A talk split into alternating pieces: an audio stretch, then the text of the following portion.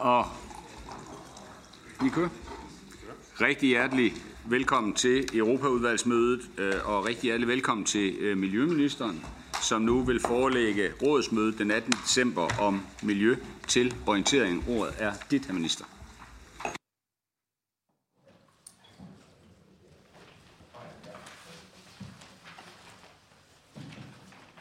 Ja, øh, ja tak. Dag er rådsmøde. Vi har på øh, mandag den 18. Øh, december. Øh, de punkter, jeg forelægger her, det er til orientering. De, øh, det første punkt, det er kommissionens forslag til forordning om emballage og emballageaffald. Og der er, den her sag er på rådsmødet til en øh, generel indstilling. Vi har jo haft den her i udvalget til forhandlingsoplæg. Det forelag jeg den 13. oktober. Der havde vi også lejlighed til her i udvalget at gennemgå forslaget og øh, Danmarks holdning, regeringens holdning. Og siden da har forhandlingerne været i gang. Vi er i slutfasen i de her dage af forhandlingerne.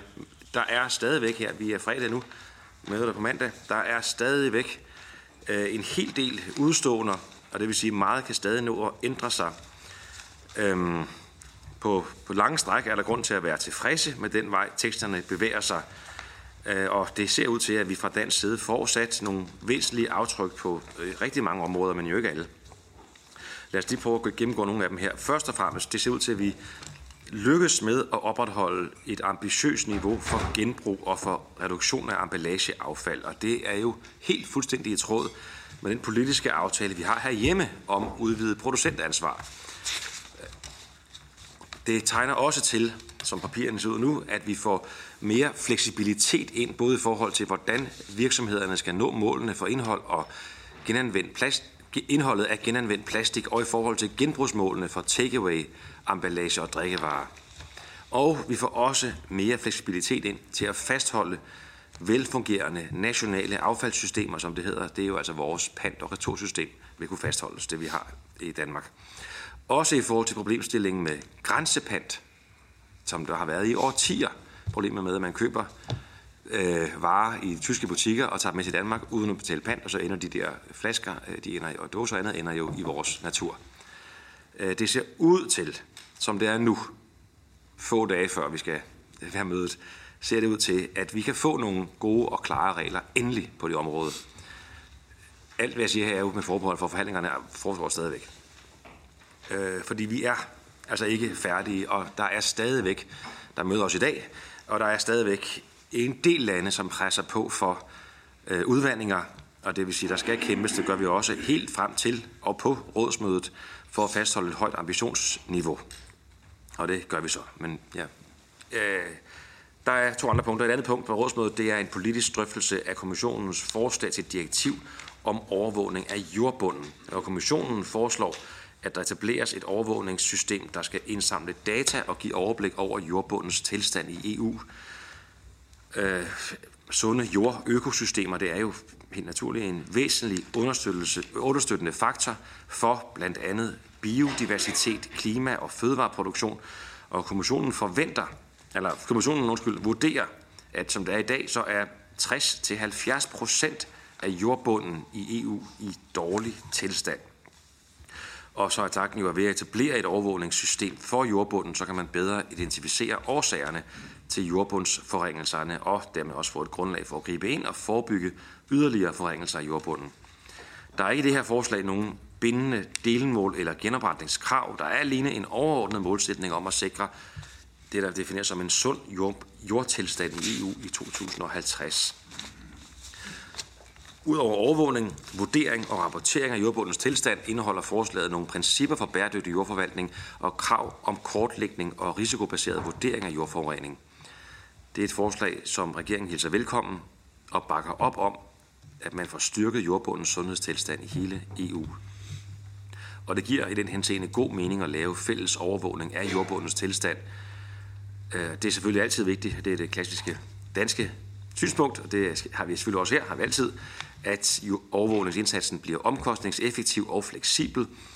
Forhandlingerne her er i en indledende fase. Miljøministeriet er i gang med at analysere forslaget og dets konsekvenser, og jeg regner med at vende tilbage til udvalget her en gang i det nye år omkring det forslag.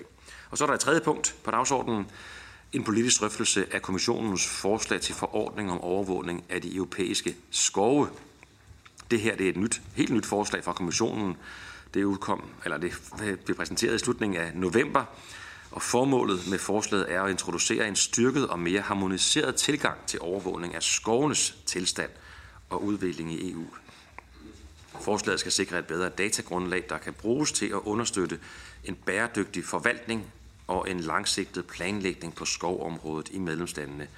Det er øh, en fremsættelse, regeringen hilser, øh, hilser velkommen, fordi vi er enige i, at der er behov for bedre belysning af skovenes tilstand og udvikling, særligt i forhold til at understøtte indsatserne for, og det er jo både klima og biodiversitet, der spiller skovene jo en afgørende rolle i begge, begge indsatser. Og der er det i den forbindelse selvfølgelig også vigtigt, at vi sikrer, at de eksisterende nationale overvågningsprogrammer udnyttes bedst muligt. Her er vi jo rigtig tidligt i processen. Vi er først lige gået i gang med at analysere forslaget og dets konsekvenser. Og så på den baggrund, der vi vil udvikle en mere detaljeret holdning til forslagets enkelte elementer. Og jeg ser frem til at drøfte også det her forslag med udvalget en gang i det nye år, når vi er kommet i gang med forhandlingerne. Det var så de tre punkter på øh, rådsmødet. Så er der også et punkt, jeg afslutningsvis vil komme ind på under siden sidst, nemlig et nyt forslag fra kommissionen, jeg vil kort orientere om. Det er øh, et forslag til forordning om såkaldte plastikpellets. Det er de her bitte små plastikkugler, der bliver bruges i plastikproduktion, altså til at producere plastikprodukter. Øh, og formålet med forslaget er at reducere mikroplastforureningen ved at forebygge tab af plastikpellets i transport- og produktionskæden. Vi har først lige fået det i en dansk sprogversion her den 23. november. Udvalget vil snart modtage et grund- og nærhedsnotat, og jeg forventer at skulle tage forhandlingsoplæg til næste år. Og det var de punkter. Tak formand. Mange tak for det, her minister. Jeg har en række spørgere på listen, og vi tager lige øh, to af gangen. Den første er Christian Friis Bak, og derefter kan Marianne Bigum holde sig klar. Tak for det, og tak til ministeren. Øh, lige omkring emballage der, der siger ministeren, at, øh, at, at det, går, det går den rigtige vej, men, men det gør det jo ikke helt. Øh, hvis man læser Europaparlamentets øh, betænkning, så går den jo faktisk præcis den modsatte vej, drevet af EPP. Nu burde jeg jo spørge mine kollegaer, hvad der sker øh, for dem øh, og, og formanden. Men, øh, men øh, hvad tænker ministeren om det? Øh, og de triologforhandlinger, der kommer, øh, og hvordan med Danmark, øh, hvad vil Danmark gøre for at dem op for, at det der bliver svækket øh, øh, markant? Øh, så bare på øh, i, jordbunds modstandsdygtighed og en sund jordbund. Øh, det, er, det, er jo, det er jo en monitoreringsramme, øh, kan man sige. Øhm, og, og i, en række af høringsvarene, der opfordrer man jo til, at man tager lige et skridt videre, og i hvert fald når det gælder beskyttelsen af grundvand, prøver at få nogle bestemmelser med her, øh, som kunne stille nogle mere konkrete krav. Øh, øh, er det noget, som Danmark tænker er en god idé, og regeringen tænker er en god idé i de her forhandlinger, der nu er, på baggrund af de øh, høringssvar og input, der kommer? Øhm, og øh, jeg ved godt, at øh, vi drøftede det lidt under mandatet også, men, øh, men jeg kunne godt tænke mig at høre, om regeringen lytter til de stemmer, der er, der, der mener, det kunne være en god idé. Og så omkring øh, skovene, der, der er jo øh, dem, der peger på, øh, Dansk Skovforening peger på også, at den her, de her indikatorer, de bliver alt for forsimplede, øh, og de kan ikke komme til at fagne mangfoldigheden i EU, øh, når det gælder skovene. Øh, og andre påpeger også det her med, at de ikke kan helt komme til at, at hjælpe os til at opfylde vores øh, biodiversitetsstrategi og naturgenopretningsforordningen, øh, fordi at de indikatorer bliver for simple til ligesom at kunne lave en ordentlig overvågningsramme, når det gælder øh, biodiversitet og naturgenopretning. Øh, så, så det kunne jeg godt tænke mig at høre øh, ministeren om. Øh, og så også, at det her bliver sådan lidt frivilligt. Øh, kunne vi tage det et skridt videre og, og, og gøre det til et krav, at man skal have en, øh, en overvågning af, af skovenes tilstand? Tak for det, Christian og Marianne. Mange tak, øh, og tak for gennemgangen. Mit spørgsmål, øh, to spørgsmål. Det ene det går faktisk også på i forhold til emballageforhandlingerne, øh, fordi at øh, vi sendte ministeren afsted med et rigtig stærkt, øh, godt mandat, synes jeg. Jeg har siden også hørt, at, øh, at det er blevet udvandet ret øh, voldsomt. Øh, Wastetech har også skrevet om det, som siger, at det Europaparlamentet har vedtaget en stærk udvandet udgave, og så er der en længere øh, liste over der, hvor den er blevet udvandet. Øh, men blandt andet det her med, at, at genanvendelse i højere grad bliver prioriteret frem for genbrug, og det var netop ikke det, der skulle, der skulle ske. Altså, vi, vi, ideen, primær idé med den her var jo netop, at vi skulle øh, stimulere genbrug. Øh, så øh, ministerens øh, kommentar til det, og, og på hvilke måder de her ambitiøse, ministeren siger ambitiøse mål for genbrug, øh, og jeg mener også, at jeg har hørt affaldsbrugbyggelse stadigvæk er noget, som vi regner med at lande. Jeg synes bare, jeg har læst noget andet, at netop at de her kvantitative mål for genbrug, de, de blev fjernet i parlamentets øh, øh, mandat. Men det kan jo selvfølgelig være, at, at det ikke er parlamentet, der får ret i den her øh, sag. Så vil jeg øh, et andet spørgsmål i forhold til sunde jord- og økosystemer. Øh, jeg synes, det er enormt spændende. Øh, jeg synes, det er dejligt, at vi får den her certificeringsramme, at vi får kigget på overvågning og vurdering af tilstande, sådan, så vi har en, en god... Øh, et godt grundlag for, hvad, hvad der skal så laves af initiativer. Jeg kan også se, at, det, at der så står, at, at ministeren siger det også selv, at der ikke kommer mål for, at man skal genoprette og sørge for, at tingene bliver, øh, bliver løftet, når der, hvor de ikke er i god øh, sund tilstand, men at der skal komme nationale initiativer inden for fire år, der hvor man vurderer, at, det er, øh, at der er behov for det.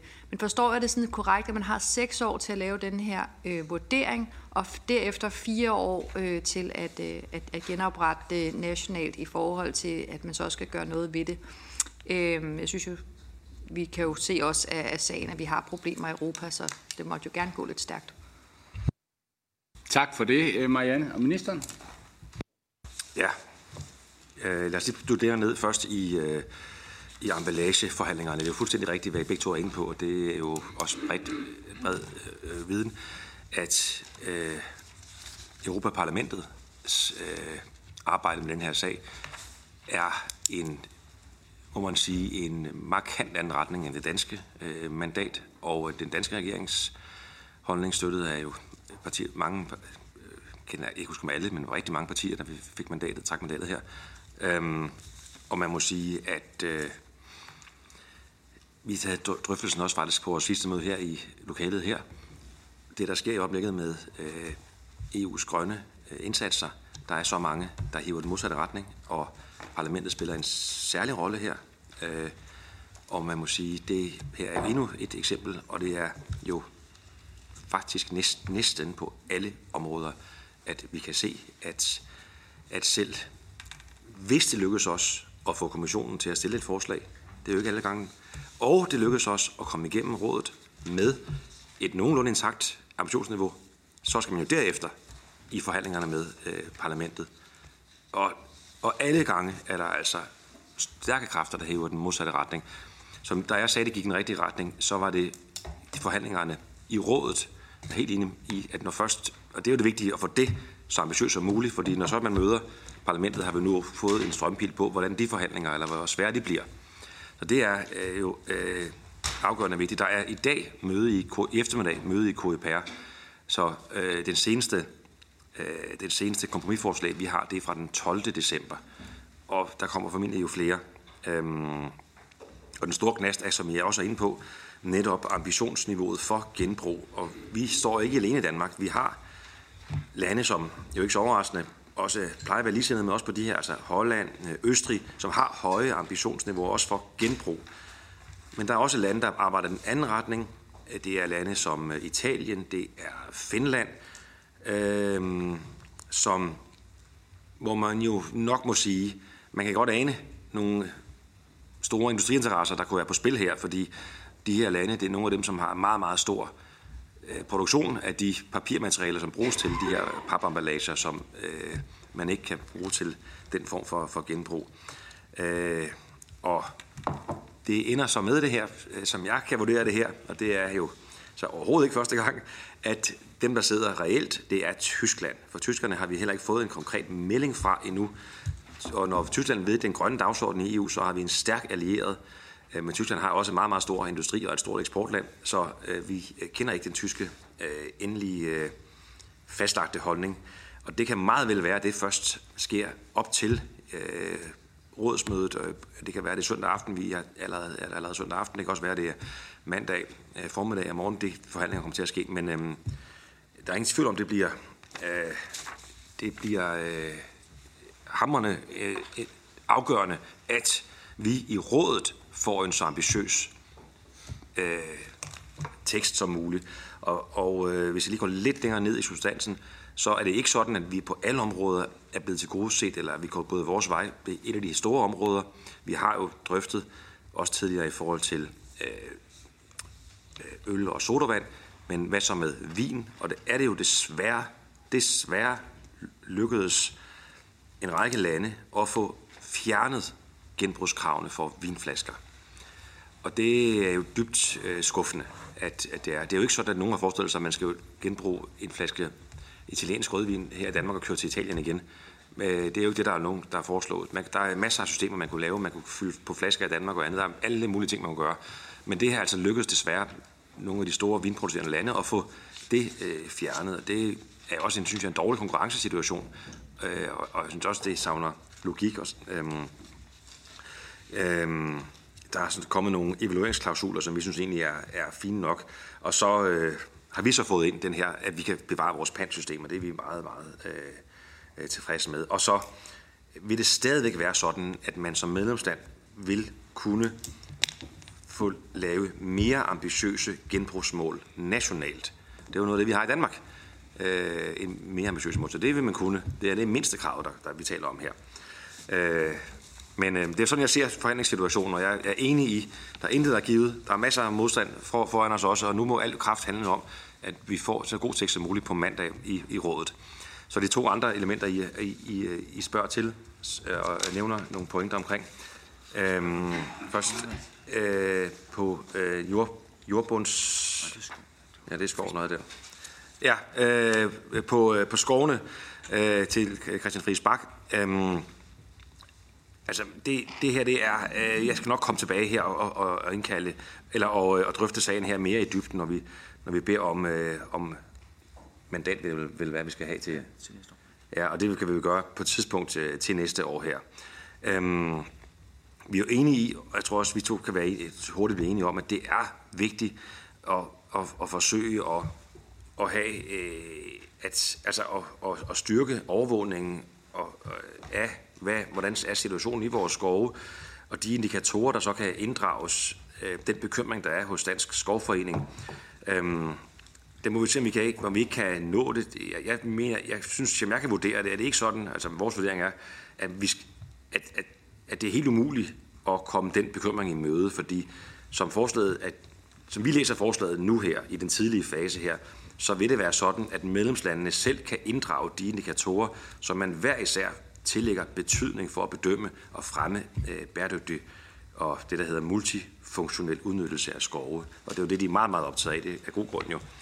Øh, og, og, så det vinder vi synes jeg godt vi kunne lade sig gøre. Men, men øh, nu er vi i gang med, med processen om det, og derfor så, øh, så vil vi øh, vende tilbage til en sådan mere substantiel drøftelse af det. Og I, I spørger begge to om, eller har begge to... Ja, øh, og du har også, Christian, spillet spørgsmål til grundvand på spørgene, eller op sovende. Og det er jo rigtigt nok, at det her direktiv det er primært for at sikre et bedre vidensgrundlag, som så bagefter kan understøtte eventuelle opfølgende tiltag. Øhm, man kan sige, øhm, en forbedring af jordbundstilstanden, det vil jo helt entydigt jo have en positiv effekt på vores mulighed for at udøve grundvandsbeskyttelse. Det er selvfølgelig positivt. Øhm, og, og det vil sige, det vil være et redskab, vi kan bruge i alle de andre elementer, vi har til, eller værktøjer, vi har for at beskytte vores danske drikkevand, som jo er, ja, det er jo blandt verdens bedste, det er en kæmpe opgave at beskytte det. Øh, og det øh, har vi jo et lovforslag om at beskytte yderligere alene i den her folketingssamling her i Danmark. Og der er ingen tvivl om for os at se, at bedre datagrundlag vil give mulighed for at, at få bedre overblik over, hvordan vi kan beskytte grundvandet bedre. Og så var der et spørgsmål fra, men, men der er ikke noget i det her forslag, som, som går videre med det. Og jeg er nok lidt øh, tøvende i forhold til at sige, om det, skulle, om det også var det, det skulle. Det er ikke det, der har været formålet med det her. Og så er Marianne Bigum, der har også et spørgsmål til jord omkring det her 4 eller 6 år. Altså kommissionen foreslår selv, at de efter 6 år skal vurdere, om der er behov for yderligere regulering. Og det kan så komme konkrete regler til den tid. Men i det her, der er ikke nogen bindende delmål. Der er ikke nogen krav om genopretningstiltag i det her. Så det her det er altså en trinvis tilgang, hvor vi først også her skal have viden, og senere bliver det så vurderet, om der skal mere regulering til. Og øhm, det er altså den tilgang, som, øh, som kommissionen umiddelbart, øh, umiddelbart øh, foreslår. Jeg tror også, det er værd, og jeg nævnte også lige kort, det er jo, øh, øh, der er meget stor forskel i landene på, hvor meget viden man har om jordbundens forholdene og jordbundens, øh, øh, hvor meget overvågning man har af jordbunden. Det har vi af mange årsager i Danmark meget, meget mere overblik over end så mange andre lande. Så derfor er det øh, godt at få etableret et overvågningssystem i, i EU. Og det er så det, der er formålet her. Og så vil det være trinvis, hvor man efter seks år vurderer, skal der nogle reguleringstiltag til. Det kan jo ikke afvise, det bliver aktuelt. Det kunne det godt være, hvis, det, hvis kommissionen har ret i, at 60-70 procent af vores øh, jordbund i EU er i dårlig tilstand. Tak for de gode svar, herr minister. Så er det Karin Liltorp. Tak for det. Øhm, mit spørgsmål det går på den første del, og jeg ved godt, der er givet mandat, og det er muligt, jeg har glemt nogle detaljer øh, fra, fra den tidligere øh, debat, der har været. Men nu, for en måned siden, så var jeg over besøg den virksomhed, der hedder Recip i Aarhus, som, øh, som laver, øh, har lavet et pansystem for papkasser. Øh, og der bliver brugt, hvad er det, 2 milliarder papkasser om året i Europa, og de har jo lavet et helt fantastisk system, hvor man afleverer sine papkasser igen, for netop at, at, at sørge for at styrke den cirkulære økonomi. Og en af de ting, de havde op, det var, at de var jo meget bekymrede for, at man satte en minimumsantal gange på, hvor mange gange sådan en papkasse skulle øh, genbruges, før det var bæredygtigt. For hver eneste gang, den bliver genbrugt, er det jo faktisk positivt i klimaregnskabet. Øh, så øh, at sætte minimumskrav om for eksempel 10 gange, var jo noget, der bekymrede dem rigtig, rigtig meget, fordi de jo, altså det er nemt at påvise, at det er godt for CO2-regnskabet, at man bare genbruger det en enkelt gang. Og jeg skulle bare lige forstå i det her, er, er det noget, der har været diskuteret, at de omfattet af det her, og hvordan sikrer vi, at de i virkeligheden kan få udbredt deres øh, fantastiske øh, virksomhed, som allerede kører i flere lande i Europa? Det var bare for at forstå, om der er noget her, der øh, vil øh, stikke en kæp i hjulet for dem. Tak for det, og så har jeg skrevet mig selv på. Øh, og jeg blev glad, da ministeren lige her nævnte, at vi kunne bevare vores øh, pantsystem. Det havde vi jo gode diskussioner om sidst. Øh, det er jo dejligt, der er jo også kommet sådan en, en norsk øh, LCA-rapport i begyndelsen af den her måned, som jo også bekræfter, at, at netop det system er det bedste, der er. Øhm, en anden sag, der, øh, der jeg er blevet kontaktet med faktisk i, i indeværende uge her, det er, at det spanske formandskab har forsøgt at øh, lægge øh, ind, at man ikke længere må producere i papkartoner, altså både juice og mælk og så videre, så videre, så videre. Kan ministeren lige sige, hvor, hvor står det henne af, eller er det, er det skrinlagt igen, eller hvordan øh, ligger det med den sag? Tak skal du have.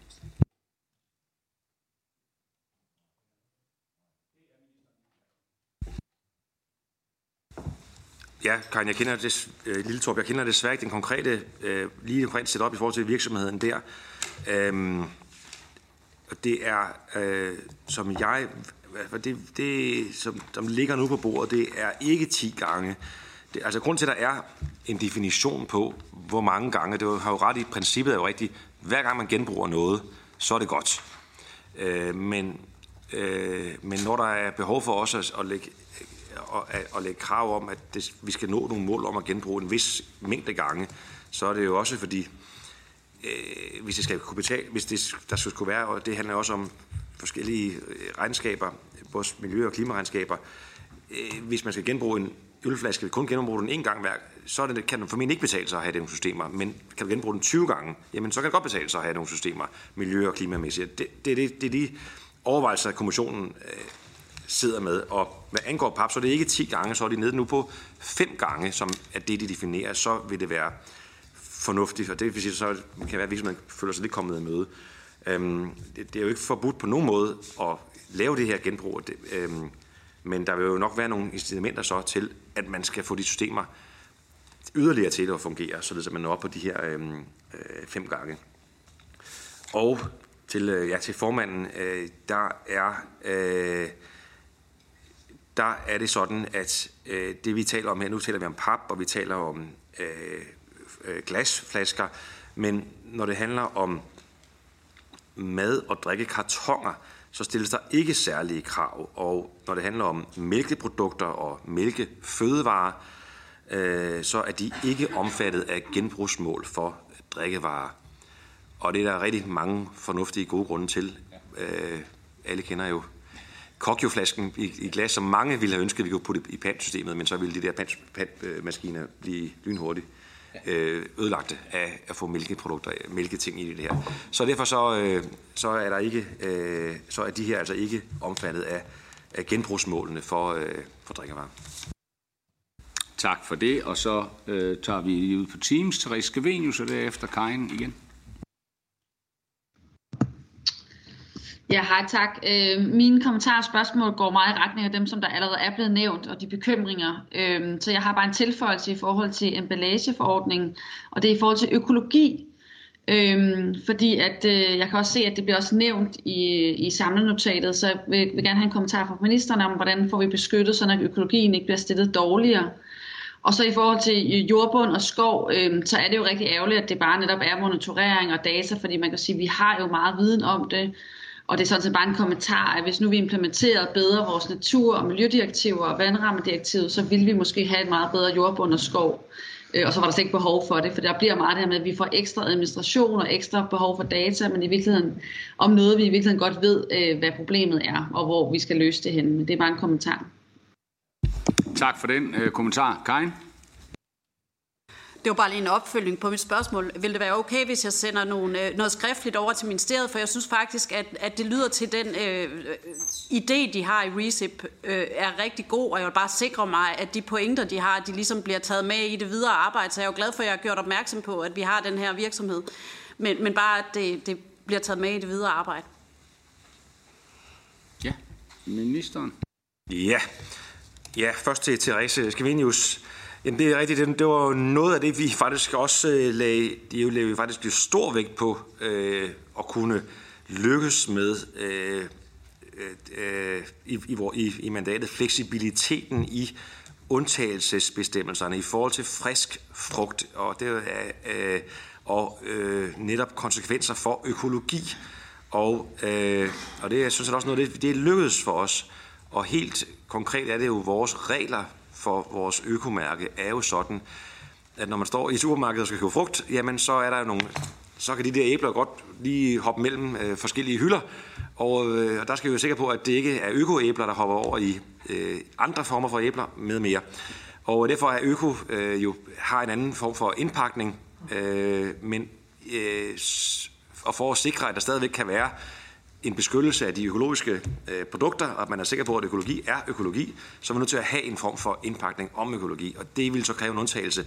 Og det ligger nu i rådets øh, forslag, at der er indarbejdet denne øh, undtagelse i forhold til øh, økologi, således at der ikke på nogen måde vil være nogen negative konsekvenser for udbud af økologi eller prisen eller andet i når forbrugerne møder det i øh, detailhandlen. Så det er godt, vi lige får det øh, fremhævet, for det, det tror jeg ville blive virkelig taget dårligt imod, hvis vi lavede noget, som på grund af utilsigtet eller øh, upræcis arbejde ville have sådan nogle dårlige konsekvenser. Så det var godt her. Og øh, Karin Lilletorp meget, meget gerne se på, øh, se på den konkrete øh, situation og øh, sende det endelig ind til os. Og det skal man endelig ikke, altså, man må jeg sige, det, det her emballageforordning, der er så store interesser på spil, og øh, øh, det er vigtigt, at, at, at vi også ikke, at, at ikke kun de virksomheder, som arbejder imod øh, forordningens øh, enkelte bestemmelser, bliver hørt, men også dem, som har nogle løsninger øh, til det. Så det vil vi meget gerne se på. Tak for det. Godt, mange tak. Jeg har ikke flere spørgere på listen, så nu kan vi sende ministeren videre i dagens tekst. Og på udvalgets side ønsker ministeren en god jul. Det har vi jo ikke ses inden. Tak for det.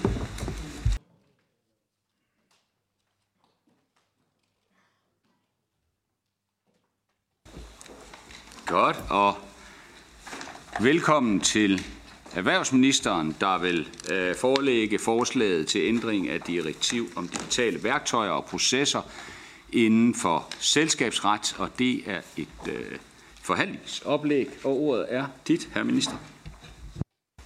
Tusind tak øh, for det, øh, formand.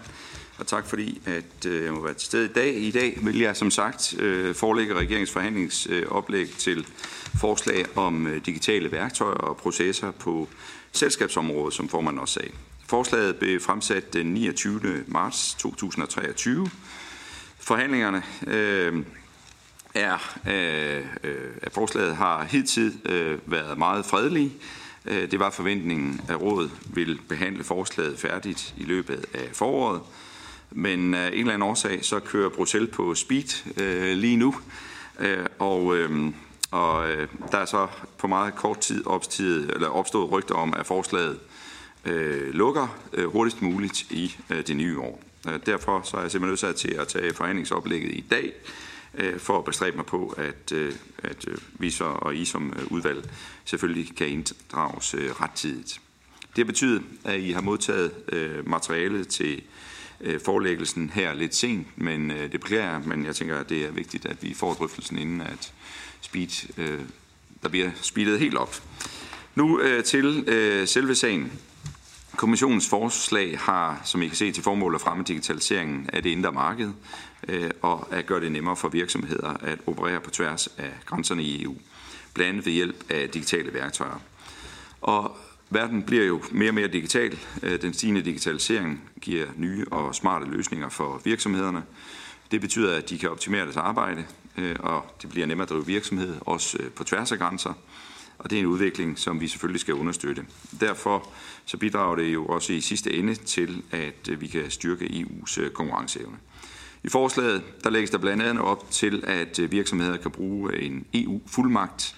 Fuldmagten skal gøre det muligt for en person at repræsentere en virksomhed, og det synes jeg grundlæggende er godt. For digitale værktøjer er vejen frem i en verden, der bliver mere og mere øh, digital, som sagt, Øh, men vi skal sikre os, at værktøjerne kan fungere i praksis. Ellers bliver omkostningerne meget store. Det gør de både for staten, men det gør de også for virksomhederne. Det foreslås også, at øh, der skal flere oplysninger om virksomhederne i vores register. Flere tilgængelige og troværdige oplysninger kan gøre det nemmere for virksomhederne at operere øh, på tværs af grænser, øh, for det gør det nemmere at spotte relevante samarbejdspartnere. Men det er samtidig vigtigt, at øh, der ikke stilles urimelige krav til virksomhederne. Virksomhederne skal ikke drukne i øh, papirarbejde, som ikke skaber nogen reel værdi. Der lægges eksempelvis op til, at virksomhederne skal registrere oplysninger om deres datterselskaber.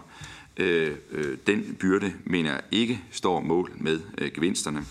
For vi har allerede nogle ret gode regler om det i Danmark i dag, og derfor, øh, øh, det vil derfor blive tungt og dyrt for virksomhederne, hvis de skal registrere nærmest øh, de samme oplysninger, bare på en ny måde, om man vil. Vi har derfor fokus på at begrænse øh, byrderne i forslaget. Vi arbejder på, at der kommer en balanceret tilgang til kravene til øh, virksomhederne. Jeg synes, det er positivt, at man ønsker at kigge på, om øh, man kan forenkle formaliteter for øh, virksomhederne. Det gælder blandt andet noget så simpelt som at kunne downloade et øh, EU-certifikat, øh, der beviser, at virksomheden eksisterer. En forenkling af reglerne vil gøre det nemmere for øh, virksomheder at drive forretning på øh, tværs af grænser. Og det vil i den grad også komme danske virksomheder til gavn. Skal vi se på forhandlingsoplægget, ja, så støtter regeringen forslagets formål, som sagt, om øh, et mere integreret og digitaliseret indre marked, der forslaget forventes at være til gavn for danske og europæiske virksomheder, i det øh, det vil blive nemmere for virksomheder at operere på tværs af medlemsstaterne. Regeringen lægger stor vægt på, øh, at virksomhederne ikke vil blive pålagt administrative byrder, som ikke er proportionelle øh, med forslagets formål, herunder registrering af oplysninger om øh, koncernforhold. Vi lægger stor vægt på, at forslaget ikke påfører staten urimelige store byrder eller øh, udgifter. Vi lægger stor vægt på, at øh, øh, på implementeringsfrister samt eller implementeringsfrister for samt anvendelse af EU-fuldmagten samtænkes med den digitale identitetsbog lægger vægt på, at formelle proceskrav forenkles i virksomhedernes aktiviteter på tværs af EU-medlemsstater. Det håber jeg på, at øh, I øh, som udvalg kan bakke op om. I hvert fald så er det regeringslinje til det her forslag. Tak for det, herr minister. Jeg kan se, at jeg har en enkelt spørger på listen indtil videre. Det er Søren Søndergaard. Ja, øh, ministeren har jo fuldstændig ret i, det kom meget sent, for nu at sige det vildt. Men, øh, og vi vil meget gerne øh, støtte det her forslag, så vi vil bare lige have nogle, nogle ting afklaret. Øh, altså, for det første så er det det der med, er der tale om total harmonisering? Det kan jeg næsten forstå på ministeren, at der ikke er, men øh, jeg skal bare lige være 100% sikker. Øh, jeg forstod egentlig ikke det, ministeren sagde omkring at vi havde nogle oplysninger i Danmark, som var gode, men det ville være besværligt, hvis det også de skulle lægges ind i det her register. Altså hvis de er gode og væsentlige i Danmark, og vi har dem i Danmark, hvis det her så skal være retvisende og kan bruges, hvorfor skal de så ikke ind der? Altså, ja, det, det, det er vel oplysninger, øh, som øh, netop øh, skal ligge der, Øh, i EU-registret, e fordi de skal kunne bruges på tværs af grænserne. Og hvis de er væsentlige for Danmark, så er de vel også væsentlige for andre. Øhm, og i den forbindelse, så skal jeg bare lige være sikker på, det er ikke sådan, at hvis vi vedtager det her, at der så er nogen, med ministerens ord, gode ting, som vi kræver øh, bliver oplyst, som vi så ikke længere kan oplyse. Altså der, der kan ikke på nogen plan være tale om en, en, en, en lavere oplysningsgrad øh, i Danmark. Øh, ja, så, så skal jeg også bare lige høre, øh, hvor, efter hvilke regler vil det blive vedtaget? Altså er det enstemmighed eller kvalificeret flertal eller hvad? Tak for det, Søren. Christian? Ja, øh, tak for det. Vi har måske heller ikke fået løbet det så grundigt igennem, men øh, jeg er jo stærk fortaler for fælles europæiske registre, øh, og har øh, stor fornøjelse af økologiregistret, som øh, synes jeg har lettet øh, byrderne for min kære lille virksomhed. Øh, og tilsvarende her, så kunne man forestille sig, at vi arbejder hen imod, at det her kommer til at erstatte øh, CVR-registret. Øh, og tilsvarende, som det Søren øh, siger, øh, Søren Søndergaard her, siger, ja, kan, kan, er vores bud på det her register ikke, at det skal opfylde de samme kriterier, og at det, vi har dag dækker af CVR-register, det skal dækkes af det fælles europæiske. Er det ikke vores, øh, vores, vores, vores indstilling? Det forstod jeg måske ikke helt. Tak til det ærede medlem, her Christian Friis Bak. Jeg giver hermed ordet til ministeren. Tusind tak øh, for øh, øh de, den håndfuld spørgsmål fra jer. Jeg vil prøve at besvare dem. Øh, hvad hedder det? Øh, forslaget det er øh, minimumsharmonisering. Øh, Øh, og øh, så spørges der meget ind til data, også til sidst her af Christian. Altså som jeg sagde i min indledning her, altså det vi har påpeget fra regeringen, det er, at man bør gøre mere ud af den data, der allerede findes i selskabsregisteret. Og det er måske også ud fra, eller måske det er også ud fra sådan en byrde tankegang, at vi skal passe på med at kræve nye registreringer, øh, nye indberetninger, når der rent faktisk allerede ligger data, som kan øh, anvendes. Øh, så det er det, der er, er, er tanken bag øh, det grundlæggende. Øh, det er flerstemmighed, øh, øh, hvad hedder det, Søren, Øh, og, øh, og vi mener bestemt ikke, at vi med den tilgang her svækker oplysningskravene. Det her forslag har rigtig gode formål. Vi skal bare sørge for, at vi ikke vi ikke opfinder noget, der allerede er, og som måske kunne bruges i den, i, i den her sammenhæng også. Det er sådan set det, der er, er tanken bag det. Tak for det. Søren? Øh, tak. Øh, okay, øh, vi støtter det, og jeg lægger til grund det, ministeren har sagt her. Øh, det ikke på nogen måde forhindrer Danmark i at stille de krav, vi synes er rigtige. Det er minimumsregulering, så det ligger jeg til grund. Men når det så er sagt, så kan jeg jo stadigvæk ikke forstå, hvis der er nogle oplysninger, der er relevante at lægge ind i registret Danmark, og vi ønsker at få et register, der kan fungere på EU-plan, hvad er så grunden til, at vi ikke arbejder for, at de også skal lægges ind der? Øh, ministeren sagde jo eksplicit det modsatte. Altså ministeren sagde, at de skulle ikke lægges ind, fordi så var det jo dobbeltregistrering for virksomhederne. Altså, øh, men, men hvis de er relevante for Danmark, øh, i Danmark, så er de vel også relevante i andre lande.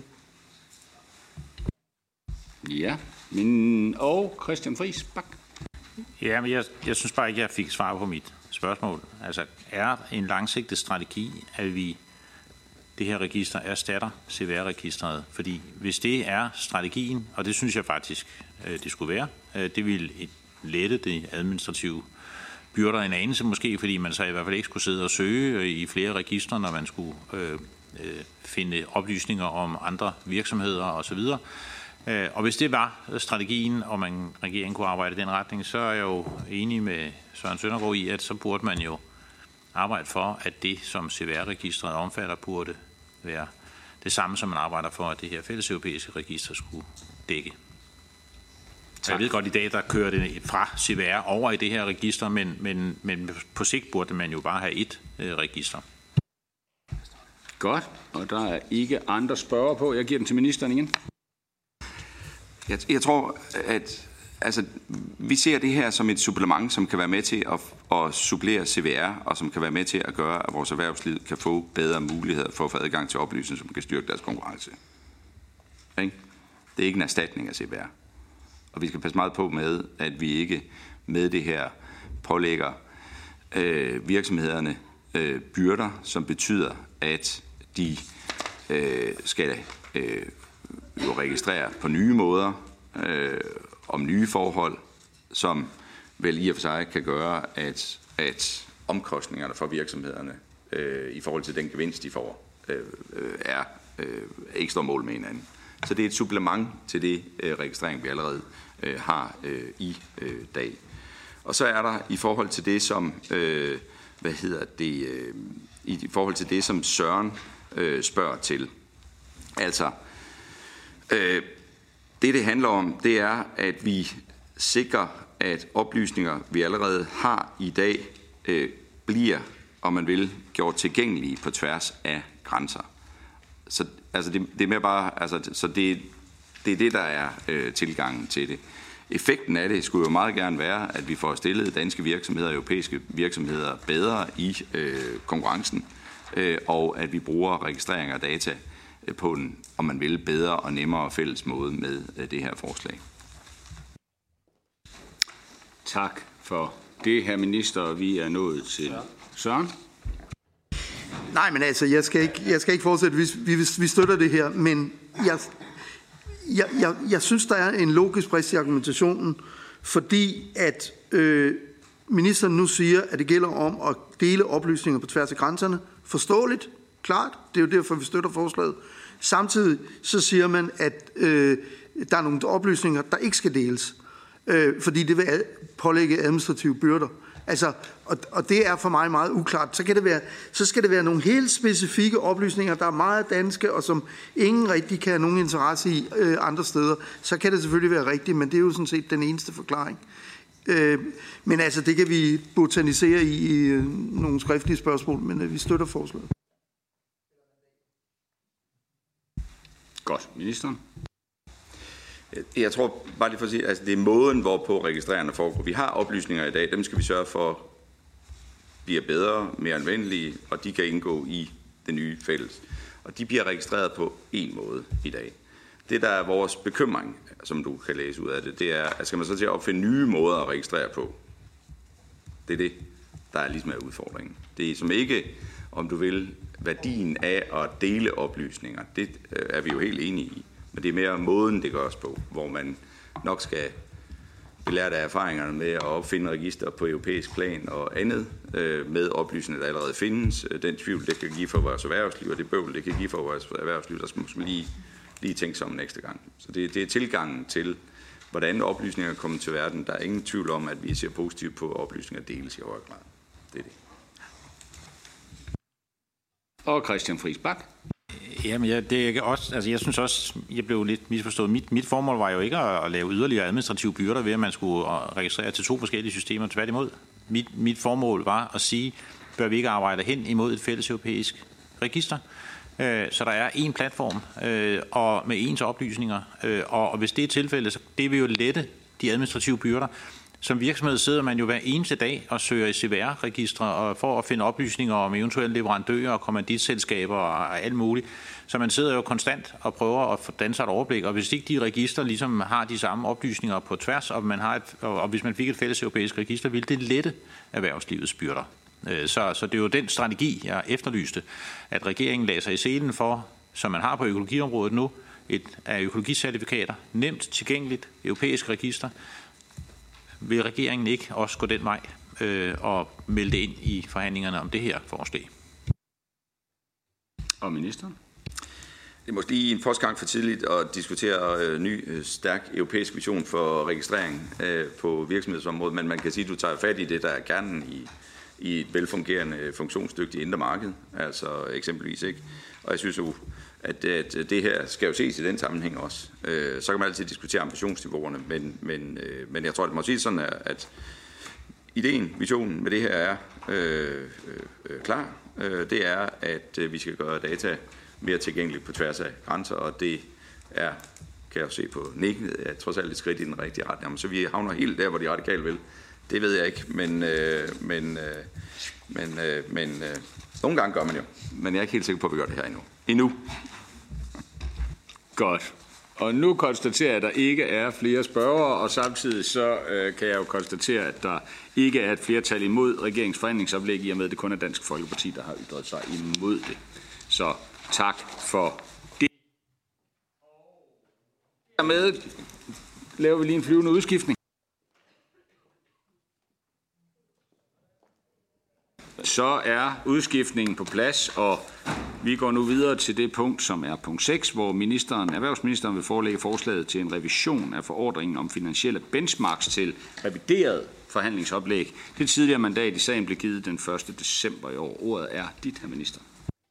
Tusind tak for det, og øh, som sagt, som formanden siger, så vil i dag forelægge regeringens revideret forhandlingsoplæg øh, til forslag om ændring af forordningen om finansielle benchmark. Sagen skulle øh, økonomiministeren egentlig have forelagt for jer her i dag, men øh, som I nok øh, måske ved, så holder hun en længe planlagt afskedsreception i øh, Region Syddanmark, så jeg er glad for, at øh, jeg har fået lov til at komme her i dag og på hendes vegne øh, og regeringsvegne selvfølgelig at forelægge øh, det reviderede øh, forhandlingsoplæg. Som øh, formand også sagde, så blev forslaget øh, fremsat den øh, 17. oktober 2023 med forventning om en hurtig behandling og hurtigt forsøg på at opnå enighed i rådet. Formandskabet øh, skabet ventes i næste uge at søge enighed i rådet om et kompromisforslag. Økonomiministeren øh, præsenterede regeringens øh, forhandlingsoplæg på mødet i Europaudvalget, det tror jeg, det det formand sagde, øh, den 1. december, på et råds arbejdsgruppemøde efter økonomiministerens forelæggelse er regeringen imidlertid blevet gjort opmærksom på, at Danmark, ligesom en række andre lande, har fejllæst et element i kommissionens forslag. Det er vurderingen, at fejllæsningen er en sådan karakter, at der er behov for et revideret samlenotat og forhandlingsoplæg, inden Danmark tilslutter sig et kompromis i rådet. Fejllæsningen vedrører en eksisterende undtagelse for rente- og råvarebenchmarks fra de generelle regler i samspil med ændringerne i kommissionens revisionsforslag. Samlet set er konsekvensen, at rente- og råvarebenchmarks med kommissionens forslag kun vil være omfattet af EU-reglerne, hvis øh, de kategoriseres som kritiske benchmarks, som er den kategori af benchmarks, der stilles størst krav til. Kategoriseres et rente- og råvarebenchmark ikke som kritisk, vil det ikke være underlagt reglerne, og et rente- eller råvarebenchmark kan ikke i modsætning til andre typer af benchmark kategoriseres som væsentlige, som er en kategori for benchmarks med mindre økonomisk betydning end kritiske benchmarks, hvor der stilles færre krav end til kritiske benchmarks. Dette fremgik som følge af fejllæsning ikke af det oprindelige samlenotat øh, og forelæggelse i Europaudvalget.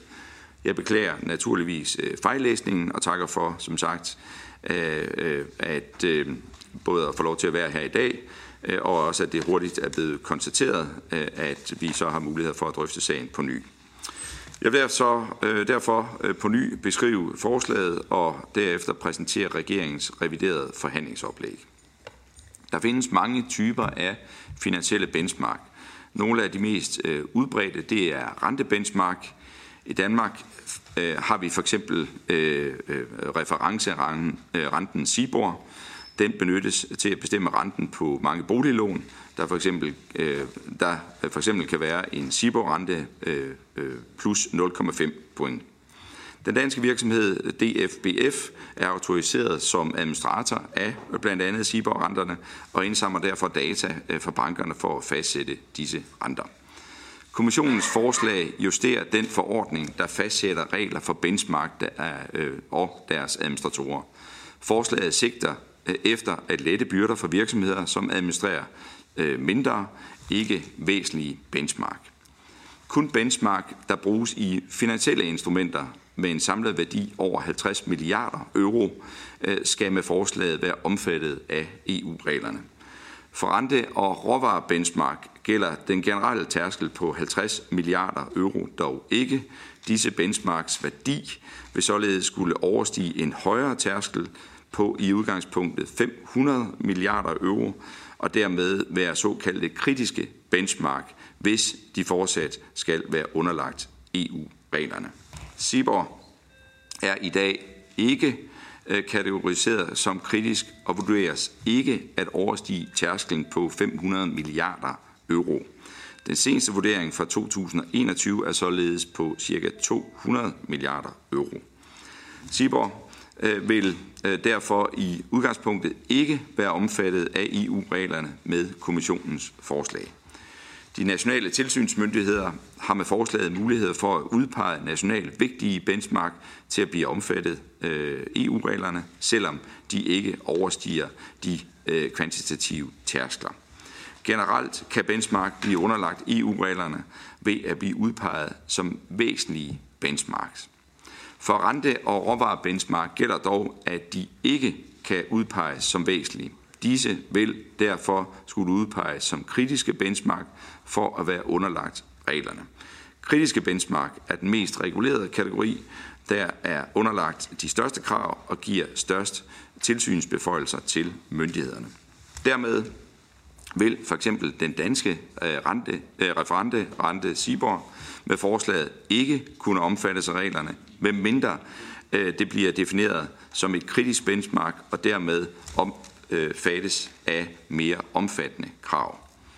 For klimabenchmark, der bruges i investeringsøje med, hvor aktier og andre aktiver skal opfylde specifikke mål relateret til udledninger, gælder, at de vil være underlagt EU-reglerne uanset størrelse.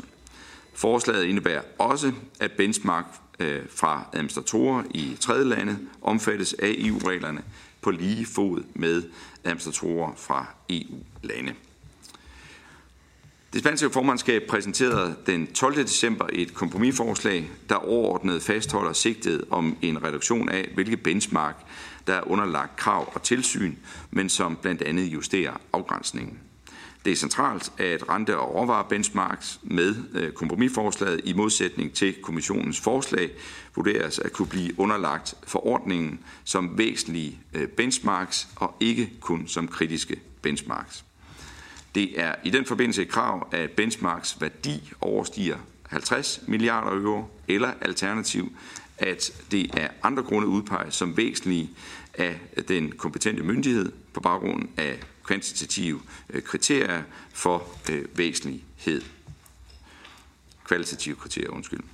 Det betyder, at disse typer af benchmark med kompromisforslaget fortsat kan omfattes af reguleringen i forordningen, men uden nødvendigvis at skulle udpeges som kritiske og dermed med mere proportionale administrative byrder.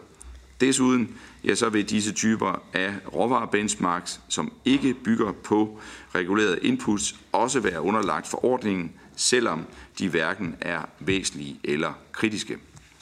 Kompromisforslaget indebærer også andre ændringer, herunder klare regler for overgangen til den reviderede benchmarks-forordning, et følg- eller forklar princip for øh, ESMAs øh, rolle ved udpegning af væsentlige benchmarks, mulighed for levering af klimabenchmarks fra tredje lande og justering af relevante ansøgningsland for visse administratorer. Hvis vi skal på regeringens øh, indstilling, ja, så vil jeg nu øh, prøve at, øh, eller øh, vil jeg nu forelægge selve forhandlingsoplægget. Forhandlingsoplægget svarer øh, med øh, undtagelse øh, af en enkelt justeret vægt til det forhandlingsoplæg, som udvalget tilsluttede sig øh, her øh, 1. december. Regeringen støtter generelt forslaget og dets reduktion af byrderne, samtidig med, at de største og de nationale vigtigste benchmarks fortsat er omfattet af EU-reglerne. Regeringen finder det vigtigt, at kompromisforslaget gør det muligt nationalt at udpege et benchmark herunder også en rentebenchmark, så det er omfattet af EU-reglerne og under tilsyn. Jeg beder så om et mandat fra udvalget, øh, øh, hvor vi fra den side lægger stor vægt på en balance, så der opnås betydelige byrdereduktioner for administratorer af mindre benchmark, mens store benchmark og deres administratorer fortsat er genstand for tilsyn og regulering.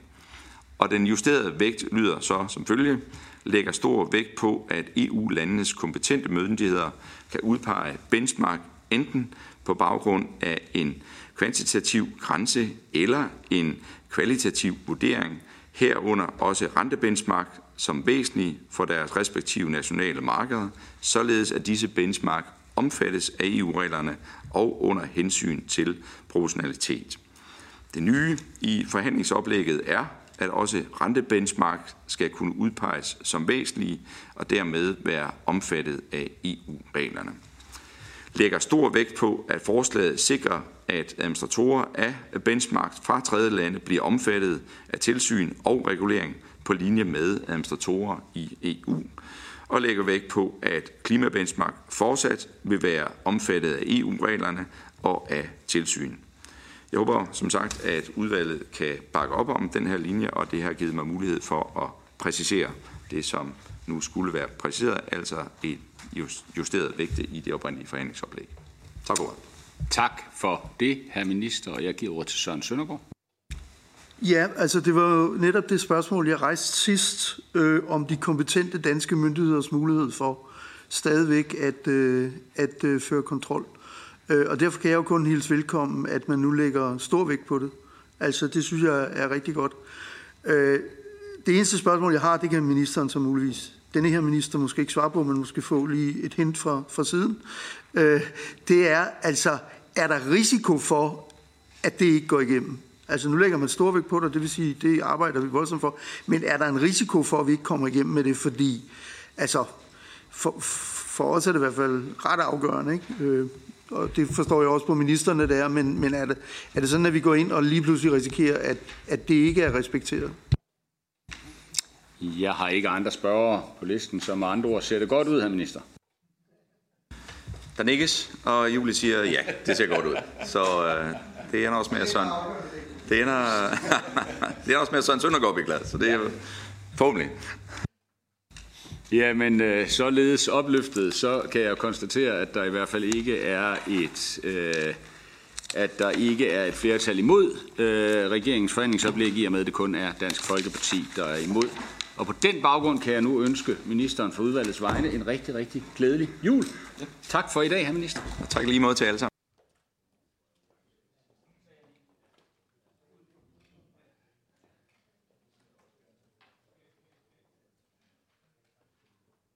Øh, så ledes opløftet er vi jo altså nået til punkt 7, hvor jeg vil byde velkommen til klima-, energi- og forsyningsministeren, som vil fremlægge rådsmødet den 19. december om energi og herunder tre sager til forhandlingsoplæg. Jeg tænker, vi tager den en af gangen, og det første det er jo øh, forlængelse af rådsfordringen om styrkelse af solidariteten mellem bedre koordinering af indkøb, gas og udveksling af gas på tværs af grænserne og pålidelige prisbenchmarks. Ordet er dit, her minister. Tak, formand. Øh, ja, øh, det er korrekt, der er tale om øh, forlængelse af tre nødforordninger fra 2022, der omhandler fælles gasindkøb, indførelse af en markedskorrektionsmekanisme og accelerering af udbygning af vedvarende energi. Øh, det spanske formandskab lægger op til, at der skal opnås en politisk aftale på rådsmødet for alle tre forslag. Sagerne forelægges derfor til forhandlingsoplæg allerede i dag. Der har på grund af hasteprocessen i Bruxelles desværre ikke været muligt at forelægge sagen øh, før nu. Og øh, som formand sagde, vil jeg gennemgå hver af forslagene en for en. Den første sag, jeg forelægger, er forslaget til forlængelse af rådsforordning om fælles gasindkøb. Forordningen blev vedtaget i december sidste år. Forordningen har fokus på at skabe en bedre koordination af gasindkøb mellem de EU-lande, der har interesser heri, og samtidig øge solidariteten ved at sikre, at gasforsyningerne i en nødsituation deles i Europa. Til trods for faldet gaspriserne sammenlignet med sommeren 22 befinder Europa sig stadig i en uvis forsyningssituation. Priserne er fortsat ustabile, og forsyningen af gas til Europa er usikker og sårbar over for blandt andet et fuldt stop af russisk gasimport. Regeringen kan derfor ud fra et solidaritetshensyn generelt støtte forslaget om at forlænge nødforordningen. Der lægges ikke op til substantielle ændringer af forordningen, udover at forordningen foreslås forlænget et år til udgangen af 2024. Se i lyset af den fortsatte usikre forsyningssituation lægges der stor vægt på, at tiltagene ikke bør øge det europæiske gasforbrug eller kompromittere forsyningssikkerheden, ikke har uhensigtsmæssige finansielle konsekvenser for medlemsstaterne, ikke skader integriteten af det indre marked, inklusive den finansielle stabilitet, og ikke mindsker investeringslysten i forhold til den grønne omstilling. Reglerne om styrkelse af solidariteten mellem medlemsstaterne i tilfælde af, at der opstår en nødsituation, supplerer alene andre EU-regler. Reglerne finder også kun anvendelse i de tilfælde, hvor landene endnu ikke har indgået bilaterale solidaritetsaftaler. Regeringen er derfor stadig positiv over for disse regler og lægger stor vægt på, at der udvises solidaritet på tværs af medlemsstaterne i tilfælde af en situation med gasknaphed. Det er dog fortsat vigtigt at holde fast i forrangen til allerede indgået bilaterale solidaritetsaftaler. Danmark har for eksempel allerede indgået aftale med Tyskland og Sverige. Vi øh, forstår desuden behovet for at fortsætte muligheden for at have en fælles indkøbsmekanisme for gas. Set i en europæisk kontekst har den stillet EU i en stærkere position og været med til at sikre bedre koordination af gasindkøb og fyldning af gaslager. Regeringen lægger dog stadig vægt på, at deltagelse i den fælles indkøbsmekanisme som udgangspunkt baseres på frivillighed. Hermed sikres det, at kommersielle gasaktører, der selv er i stand til at forhandle gode prisvilkår på plads, kan fortsætte hermed. Indkøbsmekanismen må heller ikke sætte markedskræfterne ud af spil. Vi er desuden positivt indstillet over for krav om øget transparens. Der lægges derfor vægt på, at der sikres øget transparens i forhold til, at gas, i forhold til gasaktørernes større indkøb af gas, så længe det ikke medfører væsentlige administrative byrder for gashandlerne eller myndighederne.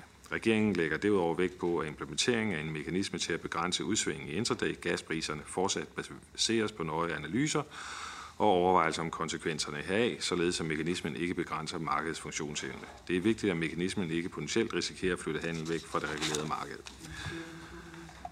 Skal jeg tale lidt langsommere?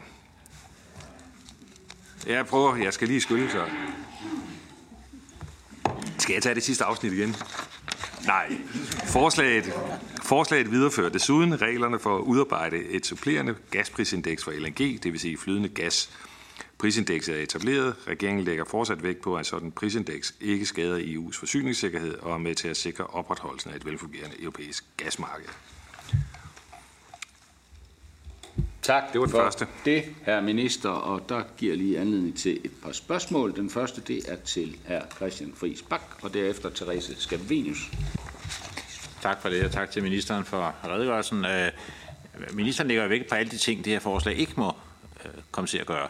Men øh, kan ministeren sige noget om, hvordan det påvirker klimaet, og eventuelt også, hvordan det påvirker det danske gasforbrug?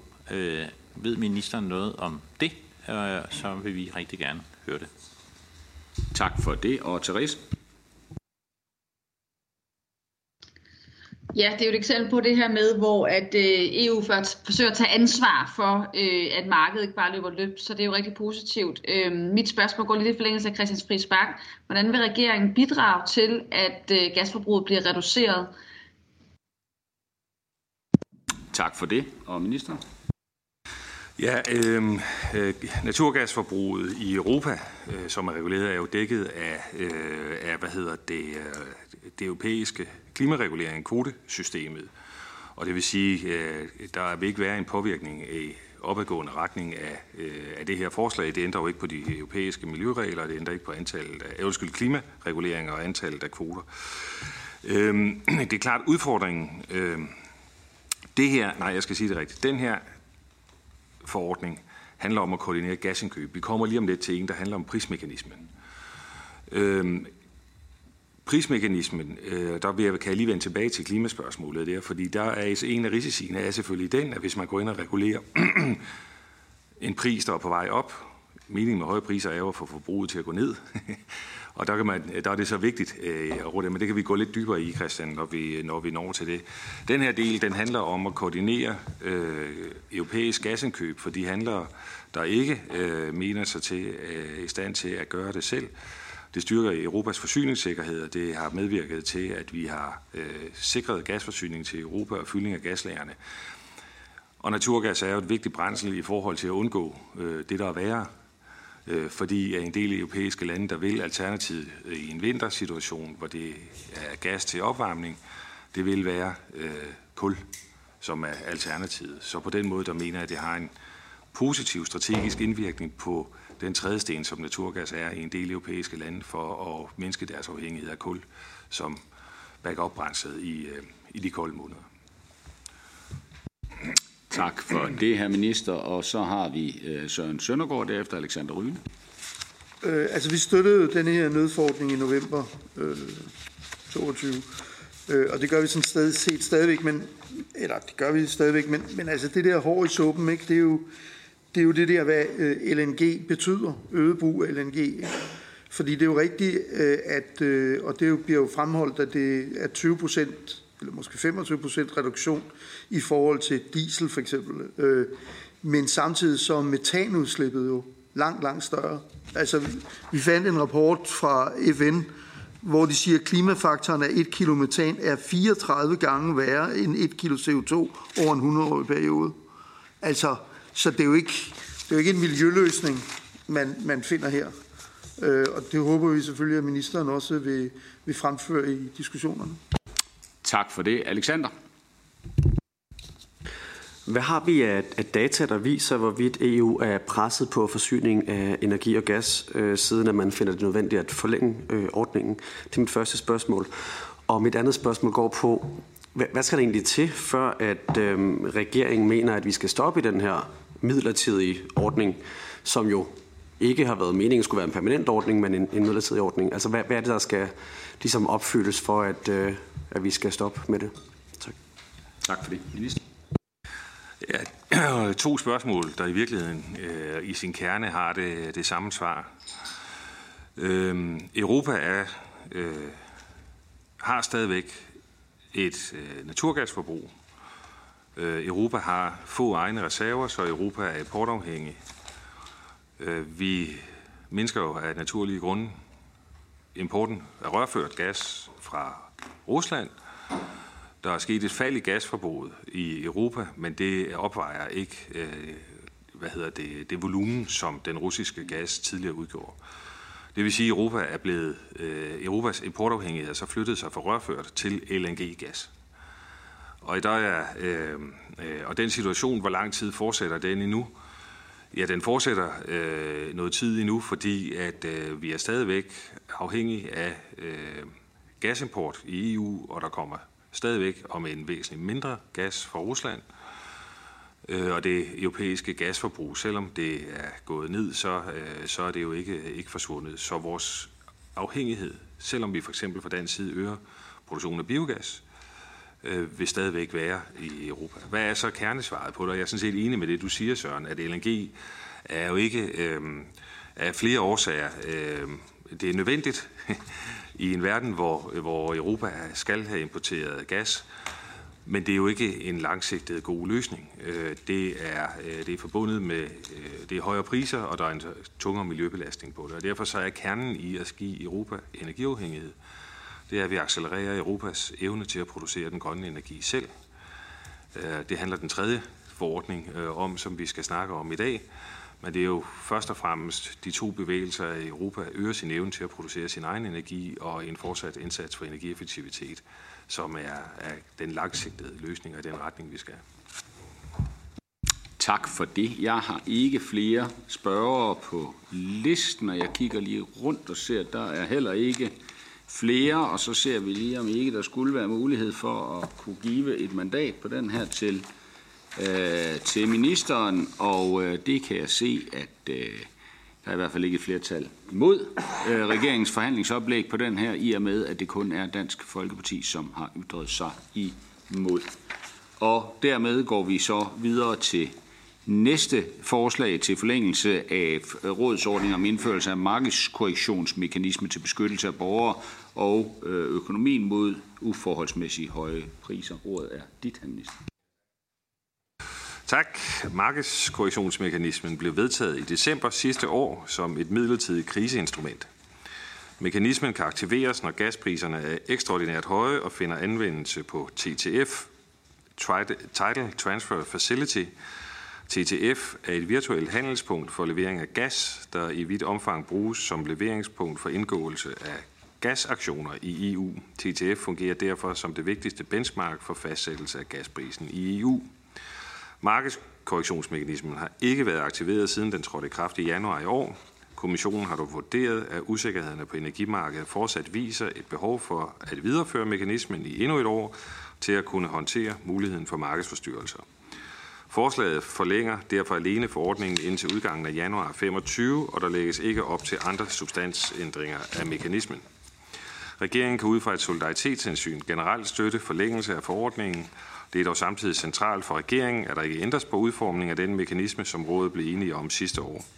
Regeringen lægger derfor stor vægt på, at mekanismen ikke bør øge det europæiske gasforbrug, ikke kompromittere forsyningssikkerheden, ikke har uhensigtsmæssige finansielle konsekvenser for medlemsstaterne, ikke skader integriteten af det indre marked, ikke påvirker energiderivatmarkedernes stabilitet og ikke mindsker investeringslysten i forhold til den grønne omstilling.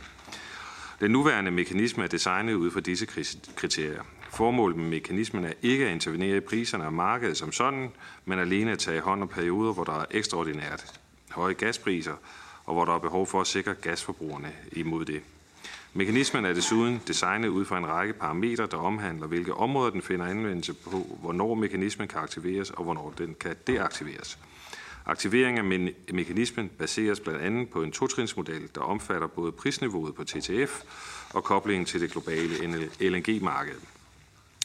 Deaktivering af me mekanismen baseres på, at dette skal ske automatisk, hvis betingelserne ikke længere er opfyldt, eller hvis man konstaterer, at mekanismen alligevel viser sig at skade for eksempel forsyningssikkerheden og øge gasforbruget. Regeringen lægger stor vægt på, at indførelse af markedskorrektionsmekanismen på TTF'en tager højde for disse nødbremser, som er defineret i den nuværende forordning. Regeringen finder det derfor helt centralt, at der ikke ændres på aktiverings- og deaktiveringskriterierne i mekanismen, da disse er udtryk for en delikat balance. I forhold til designet af mekanismen lægger regeringen fortsat stor vægt på, at aktivering eller deaktivering af mekanismen skal ske automatisk baseret på objektive kriterier, og at beføjelsen hertil skal tilfalde kommissionen eller ESA, det europæiske agentur for energitilsynsmyndigheder. At niveauet for prisloftet fastholdes på et niveau, hvor der i henhold til de seneste års markedspriser er tale om ekstraordinært høje priser, at tidsintervallet for aktiveringen fastholdes i tilstrækkelig omfang til, at mekanismen kan udløses i tilfælde af vedvarende ekstraordinære, kun udløses i tilfælde af vedvarende ekstraordinære høje priser, at aktiveringen af mekanismen er baseret på både prisniveauet på TTF og koblingen til det globale LNG-marked, at korrektionsmekanismen som sådan ikke udvides til andre handelsplatforme eller bilaterale handler, men afgrænses så vidt muligt til TTF. Derudover lægges der stor vægt på, at stabiliteten og funktionen af det finansielle marked, der relaterer sig til energimarkedet, sikres på en tilfredsstillende måde. Indgrebet i markedet som dette, hvis det ikke kan designes rigtigt, kan have skadevirkninger på forsyningssikkerheden og den finansielle stabilitet. Det betyder også, at regeringen fortsat lægger afgørende vægt på, at de centrale danske prioriteter samlet set vurderes at blive imødekommet tilstrækkeligt så som forudsætning for at støtte forslaget om at forlænge forordningen. Tak for ordet. Tak for det, her minister. Det gav anledning til lidt flere spørgere. Jeg starter med Kim Valentin og derefter Alexander. Ja, tak for det, og tak øh, til ministeren for at komme i dag og få fornyet mandatet. Øh, jeg har den betragtning, at øh, energi øh, er en slags øh, finansielt produkt. I hvert fald i prisdannelsen på markedet er der meget øh, nær et finansielt produkt. Øh, og den risiko, der ligger på øh, finansielle produkter i dag, kan man jo ikke bare sælge til detailforbrugere. Øh, de, de, der er nogle helt særlige øh, regler for det, som man sagtens kunne, kunne også smide ud til handlere af energi. Jeg siger det bare her til, at, øh, at den, den type risiko har jo vist sig at være uhåndterlig for helt almindelige forbrugere rundt omkring i, i Europa. Man kunne vælge at kigge på det med de øjne, at, at øh, hvis man handler energi med detaljforbrugere, jamen så skal der øh, laves en test, om de overhovedet er i stand til at overskue den risiko, der ligger i at indgå en kontrakt, der handler øh, energi øh, for dem selv. Det gør man på det finansielle område, øh, når man handler øh, værdipapirer for eksempel, og det kunne man sagtens også indføre øh, her, fordi der så vil ske i markedet det, at man jo vil begynde at sælge øh, en lavere risiko, øh, fordi folk finder ud af, hvordan det egentlig øh, påvirker dem, hvis øh, energiprisen den stiger øh, alt for meget. Øh, og, og så finder man jo så også ud af, at de også, og det er også er et produkt, at sælge en vare med en lavere risiko til forbrugerne, i stedet for at man som handler eller mellemhandler smider al risiko over til detaljforbrugerne. Ikke? Så, så det vil jeg bare lige øh, sige her, at når I starter den forhandling op, så synes jeg også, at man skal måske starte et andet sted. Så kigge ud i forbrugerne og så sige, hvad er det for en risiko, der skal ende der? Tak for det, og Alexander Ryle. Jeg vil gerne starte med at læse et uh, citat op fra den fungerende klima-, energi- og forsyningsminister den 22. november uh, sidste år. Jeg citerer, Forestil jer en situation, hvor der er mangel på gas i Europa. Folk fryser og kan ikke betale deres regninger. Så sidder der nogle byråkrater et eller andet sted og fordeler gassen. Der er 100 grunde til, hvorfor det er en dårlig idé, men der er altså mange lande, der går ind for den. Nogle af mine østeuropæiske kollegaer, som ikke går ind for den, sagde, vi har prøvet det her med at fordele centralt i 1980'erne, før muren faldt. Det fungerede ikke så godt.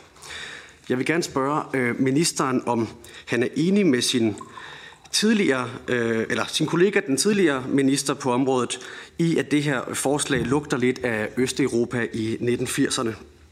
Og så vil jeg gerne spørge ind til, om der overhovedet er øh, brug for at sætte udbuds- og efterspørgselsfunktionen ud af kraft, når man kigger på øh, både de aktuelle øh, gaspriser, som ligger lige omkring øh, 35 euro på nuværende tidspunkt, som svarer til niveauet i, øh, i juli 21, men også når man, når man kigger det seneste år tilbage, hvor øh, kursen jo på intet tidspunkt har været i nærheden af de 180 øh, euro. Så er der overhovedet brug for at øh, forlænge den her ordning? Tak. Tak for det, Alexander Ryle og ministeren. Ja, øh, Kim, tak for, for dine bemærkninger. Det, øh, øh, jeg tror ikke, det handler... Øh, jeg tror ikke, det er i denne sammenhæng, det skal tages op. Det handler jo mere om, hvordan vi har indrettet øh, hvad hedder det, rettighederne for forbrugerne i det europæiske el- og gasmarked i forhold til adgang til produkter med fastpriser og variable priser osv., hvordan det håndteres. Så det er mere ude i detaljledet, så, så jeg har noteret øh, synspunktet op og, øh, og inputtet. I forhold til, til, til Alexander, det du, det du spørger til, altså... Øhm, det her er en øh, mekanisme, der træder i kraft, hvis gaspriserne bliver ekstremt høje i en vis periode. Og det er udtryk for et europæisk kompromis. Og Europa består af flere lande. Øh, det her forslag var ikke blevet skabt øh, på dansk initiativ. Øh, men vi accepterer, at øh, der i Europa øh, er en meget stor del af landene, som er øh, meget, meget bekymrede over og, øh, det, den indvirkning, det har haft øh, på deres kunder, deres økonomi, at priserne i nogle perioder blev ekstremt høje i, øh, i 22. Så opfatter jeg det som en lykkelig situation, at gaspriserne ikke er i nærheden af at aktivere mekanismen. Fordi det er en mekanisme, der er sat i verden for at tage ekstremt tilfælde. Så håbet er, og det er også vil være mit håb og den danske regeringshåb, det er, at mekanismen aldrig træde anvendelse. Det vil jeg sådan set betragte som en succes. Øh, fordi mekanismen har, øh, det har det altid, når man griber ind i et marked. Den kan have nogle effekter, for eksempel som det Christian spurgte til øh, før, altså at prisen på gas jo så vil blive begrænset i forhold til det, som markedet vil sige var den rigtige pris, og det kan jo blandt andet medføre så, at øh, gasforbruget det kommer til at ligge på et højere niveau, end det ville have gjort, hvis priserne havde været højere. Øhm, det, det er jo ikke hensigtsmæssigt. Det er jo meningen, at gasforbruget basically skal falde i takt med, eller svinge i takt med, med priserne. Så det er ikke, øh, det er ikke en, øh, hvad hedder sådan noget, noget, der er skabt på dansk initiativ, men vi accepterer det som en, øh, en nødvendighed, og, øh, og så glæder jeg mig over, at gaspriserne de er, øh, på trods af, at det vinter på så lavt niveau, så øh, for indværende er der jo ikke tegn på, at mekanismen den vil blive bragt i anvendelse. Tak for det, her minister. Jeg har tilladt mig at tage mig selv på, og er sådan set enig med, med det, der er blevet sagt ved bordet tidligere, altså at, at øh, det her, det tager os jo tilbage til en tid, øh, som ligger en del år tilbage, og en tid, hvor, og i hvert fald et sted, hvor vi var væsentligt længere østpå, end vi er i dag. Øh, mekanismen forventes at kunne få ret betydelige negative konsekvenser for energisektorens likviditet, øh, og, øh, og, og, og potentielt bredere finansiel stabilitet. Så derfor så kommer vi i hvert fald ikke til at støtte øh, forslaget. Det håber jeg, der er forståelse for. Og så hører vi, hvad Søren Søndergaard har at sige. Øh, jo tak. Øh, jeg vil bare høre, om øh, ministeren vil arbejde for, at der er en øh, halvvejsevaluering af øh, denne her markedskorrektionsmekanisme. Fordi altså, altså det, jeg synes også, der er behov for at blive klogere på, om, om den overhovedet er relevant, om der stadigvæk er behov for den. Og når vi så kigger fremad, altså var det så ikke øh, mere klogt, at i stedet for at arbejde med et indtjeningsloft, øh, arbejde med et øh, prisloft, så arbejde med et indtjeningsloft? Altså, vi har jo set kæmpe problemer med, at der er, øh, hvad EU jo også har gjort opmærksom på, scoret nogle fuldstændig øh, overnormale profitter, som så er øh, betalt af, af, af den almindelige forbruger, øh, men som sådan set ikke har noget at gøre med, med, med, at man har ramt prisloftet, fordi det har man set ikke ramt i år, vel? Altså, jeg tror ikke, den på noget tidspunkt i år har været over 80. Øh, så, så derfor, det er slet ikke det, der er relevant. Det, der er relevant for forbrugerne, det er, at der er et led, der tjener fuldstændig uforholdsmæssigt. Og det kunne løses ved at kigge på et indtjeningsloft i stedet for et, øh, et prisloft. Tak for det, Søren Minister. Ja, øh, der er den øh, principielle udfordring, at høje priser drevet af høje råvarepriser ikke kan sidestilles med høj indtjening. Øh, og derfor så er det ikke sikkert, at høje priser altid følges af, af høj indtjening.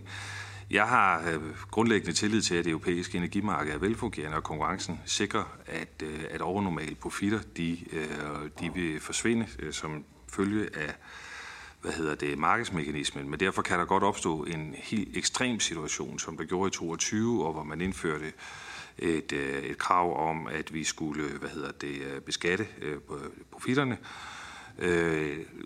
Hvis det bliver aktuelt igen, så vil jeg forvente, at, at man tager en europæisk drøftelse af, om man skal gøre det midlertidigt. Men som generelt princip, der er jeg ikke tilhænger af, at man regulerer profitter.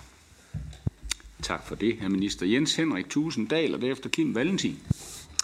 Jamen tak for det, og tak for, for fremlægget. Jeg tror, som jeg hører ministeren, så er vi i Danmarksdemokraterne sådan set meget enige i, at øh, det med at regulere på markedspriserne ikke er en god vej som sådan. Samtidig så anerkender vi også, at øh, der er et ønske om at få, få lavet, have sådan en mekanisme. Heldigvis har den ikke været brugt, og forhåbentlig kommer den slet ikke til at blive brugt. Øh, men altså med, med det mandat, som regeringen lægger frem, også med at lægge afgørende vægt på, at de danske prioriteter faktisk kommer igennem, så kan vi i Danmarksdemokraterne godt støtte øh, mandatet. Tak. Tak for det. Kim Valentin? Ja, principielt øh, er Søren jo inde på noget af det rigtige. Altså vil jeg sige, på nær han ikke er inde på noget rigtigt. Altså, øh, altså fordi øh, problemstillingen er jo, at forbrugerne øh, bare sådan øh, får, får stillet nogle øh, priser øh, som fuldstændig afspejlede markedet. Det svarer til, øh, at, at alle for eksempel på rentemarkedet får stillet øh, dag-til-dag-renten øh, hver dag. Det er sådan set det, der sker i energimarkedet.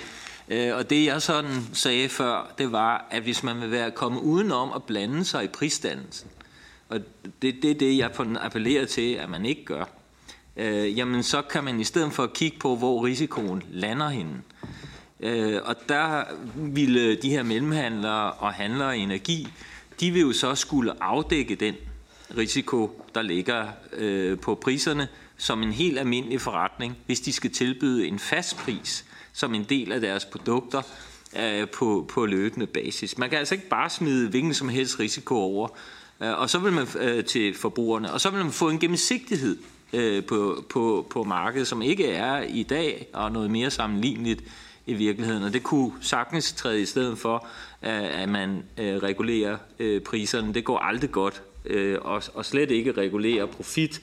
Det er der, hvor Søren øh, har, øh, tager, tager fejl, mener jeg. Ikke? øh, så, så, så, øh, så derfor, vil man, det, derfor mener jeg, at det er en risikobetragtning, der, der skal ind i den, øh, i den her øh, del. Og når det var sådan, at ministeren sagde, jamen, det er et andet sted, så mener jeg faktisk ikke, at det er helt rigtigt. Altså, man kan godt gå ind i forhandlinger og sige, vi blander os i prisdannelsen, det skal kun ske midlertidigt. Øhm, på lang sigt så skal vi arbejde med at få risikoen væk fra øh, virksomhederne og væk fra øh, vores, øh, vores forbrugere. Tak for det. Jeg tænker, vi tager lige Alexander med. Du er den sidste på listen indtil videre. Ja, og det er måske mere en kommentar, fordi jeg, jeg tror måske, det, det var rimelig tydeligt ud fra mit, mit spørgsmål før, at vi ikke synes, det her det er, er et, et særligt godt forslag, og derfor kan vi heller ikke øh, støtte mandatet. Altså alene det her med, at man fjerner øh, øh, markedsmekanismerne øh, på et tidspunkt, når der overhovedet ikke er grund til det, øh, er, er egentlig argument nok. Men jeg synes også, jeg kunne høre på ministeren, at, at det, jo, det jo ikke er noget, man, man ønsker at gøre brug af. Og derfor synes jeg, det er lidt mærkeligt, at man så alligevel støtter forslaget, på trods af, at det er et lidt kritisk mandat. Men, men vi synes slet ikke, at vi skal forlænge den her ordning, så derfor kan vi ikke øh, støtte mandatet. Tak for det. Jeg har ikke flere spørger på ministeren. Øh, to ting, øh, Søren. Jeg glemte lige at kommentere det med, med evaluering. Øh, altså, øh, det mener jeg er relevant, hvis øh, det er sådan, så at man vil forlænge mekanismen en gang mere, så kan man begynde i den slags overvejelser. Men at evaluere noget, der er for et, øh, nu, to år, det, øh, det, det tænker jeg er, er, ikke, ikke er så afgørende. Øh, Kim, jeg er sådan set enig i, i, at forbrugerne både skal have mulighed for at have et fastprisprodukt, hvor, øh, hvor så dem, der sælger det, må prissætte den risiko, der ligger i at tilbyde et fastprisprodukt. Øh, jeg er også tilhænger, fordi jeg er også liberal i hjertet, af at der findes øh, andre typer af produkter, hvor at øh, prisen sættes for et, øh, for et kortere tidsvindue, og at forbrugerne dermed har et åbent og transparent valg. Og det er sådan i øh, de danske detaljmarkeder for både el og gas, at der har forbrugerne adgang til begge øh, typer af produkter. Øh, det er klart, der vil være nogle af de fastprisprodukter, som er en hybrid, fordi at de vil være indrettet sådan, så at hvis der sker en, øh, en helt ekstrem udvikling i priserne, så har man mulighed for at gå ind og ændre i, øh, i den, øh, den prissætning, der er. Øh, det reguleres et andet sted end i nødretsforordningen. Og derfor så handler det om indretningen af de europæiske eller og gasmarkeder, og i den regulering, der, der er i det. Jeg håber, det var... Det var. Kim? Beklager, at jeg lige tager ordet igen, men det er jo fordi, at min pointe er, at, at hvis man sammenligner med renten, så kan man ikke sælge en variabel rente til en forbruger i dag, uden at man laver en test på forbrugeren. Og det samme kan man indføre øh, på energi, fordi det er det samme type produkt som en rente i virkeligheden. Det påvirker en privat økonomi sindssygt meget, en virksomhedsøkonomi sindssygt meget. Og det vil sige, du kan ikke bare smide risikoen over, uden at teste, om den du sælger til, rent faktisk kan tåle den risiko. Ja, minister. Ja, det, jeg takker for inputtet, men det, øh, hvad hedder det, øh, og jeg kan bare sige med den viden, jeg har om, hvordan øh, det danske marked fungerer, at så er det på virksomhedssiden. Øh, jeg tror, hvis man, skal, nej, på at sige hvis man kigger på det sådan lidt i historisk perspektiv, så tror, har det været sådan, at vi i en lang overrække frem til 22 havde stabile, lave priser i både el- og gasmarkedet. Det betød, at en hel række forbrugere herunder i høj grad erhvervsvirksomhederne ikke forholdt sig til den risiko, der lå i deres energiindkøb, fordi de havde været vant til, at priserne var lave og stabile, det vil sige, det forhold, at de købte et produkt med variable priser, øh, det, øh, øh, det, det, det syntes for dem som en stabil pris.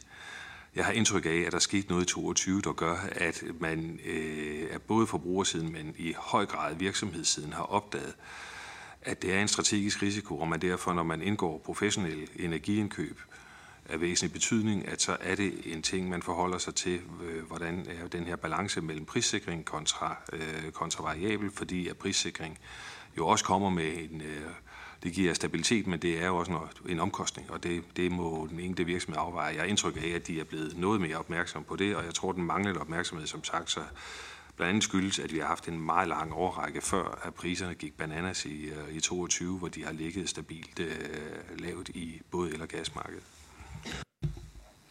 Tak for det, og jeg kigger min ordførerkollega er dybt i øjnene og ser, om der er flere spørgsmål. Det er der ikke, og derfor så kan jeg jo konkludere, at der ikke er et flertal imod regeringens øh, forhandlingsoplæg, i og med at det kun er Liberale Alliance, det konservative Folkeparti og Dansk Folkeparti, som er imod regeringens oplæg her.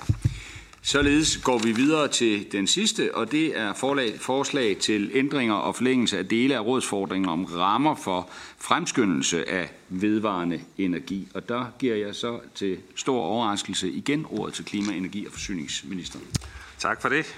Ja, udover forlængelse af forordningen med et år frem til medio 25, foreslår kommissionen også nogle få ændringer og tilføjelser til forordningen. Det vil kun være dele af forordningen, der forlænges, da enkelte af forordningens bestemmelser er overført til det reviderede VE-direktiv. Det drejer sig særligt om de fastsatte godkendelsesfrister for opførelse af solceller og varmepumper. Kommissionen har derimod vurderet, at der stadig er behov for at videreføre de andre centrale elementer i forordningen, som ikke overføres til VE-direktivet, og det er regeringen enig i. Regeringen kan derfor overordnet støtte forslaget til forlængelse og ændring, da det vil bidrage yderligere til at accelerere udbygningen af VE i Europa. Nødforordningen har været hjælpsom for en række EU-lande, der har anvendt forordningen meget aktivt. Det skyldes blandt andet, at forordningen har været myndet på især mindre VE-projekter. I Danmark har vi især haft fokus på storskala-projekter som havvindmøller og solcelleparke, der analyseres i øjeblikket, om forordningen også være til, kan være til gavn der. Uanset hvad, lægger regeringen dog fortsat stor vægt på, at der som opfølgning på forordningen arbejdes videre på at sikre, at godkendelsesprocesserne for større VE-projekter accelereres og smidiggøres. Regeringen finder det desuden vigtigt, at sameksistens mellem VE-udbygning og biodiversitetshensyn sikres. De to hensyn er ikke modsatrettede, og det er muligt at etablere VE samtidig med, at der på anden vis kompenseres i forhold til biodiversitet.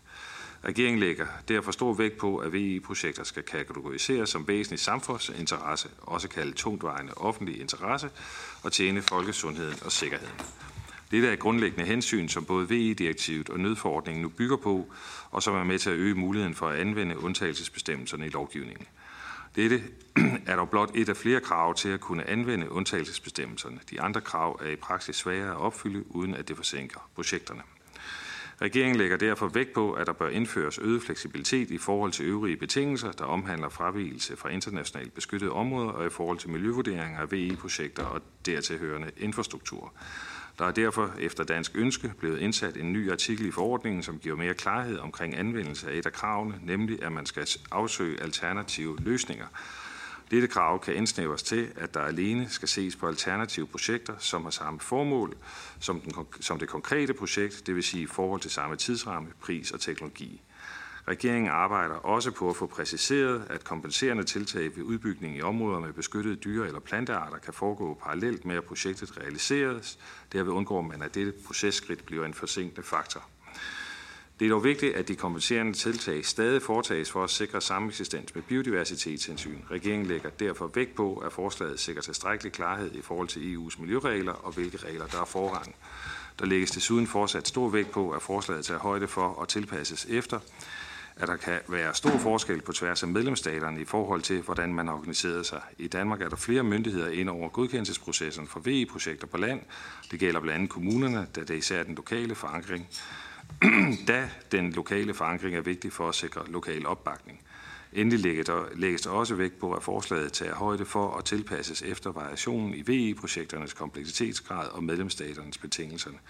Betingelserne på tværs af lande er således helt forskellige, og nu har ministeriet skrevet noget i, i, i min tale, som jeg faktisk ikke ved, hvad betyder, men nu læser jeg det op, så kan I mundre jer lidt over det. Der står, at Danmark er eksempelvis et meget tætpakket land, begrænset areal til rådighed. Jeg ved ikke, hvad et tætpakket land er, øh, men det vil jeg sende et notat over, hvis der er nogen, der har lyst til at spørge til det. Tak for ordet. Nok ikke helt så tæt pakket som det, det udvalg.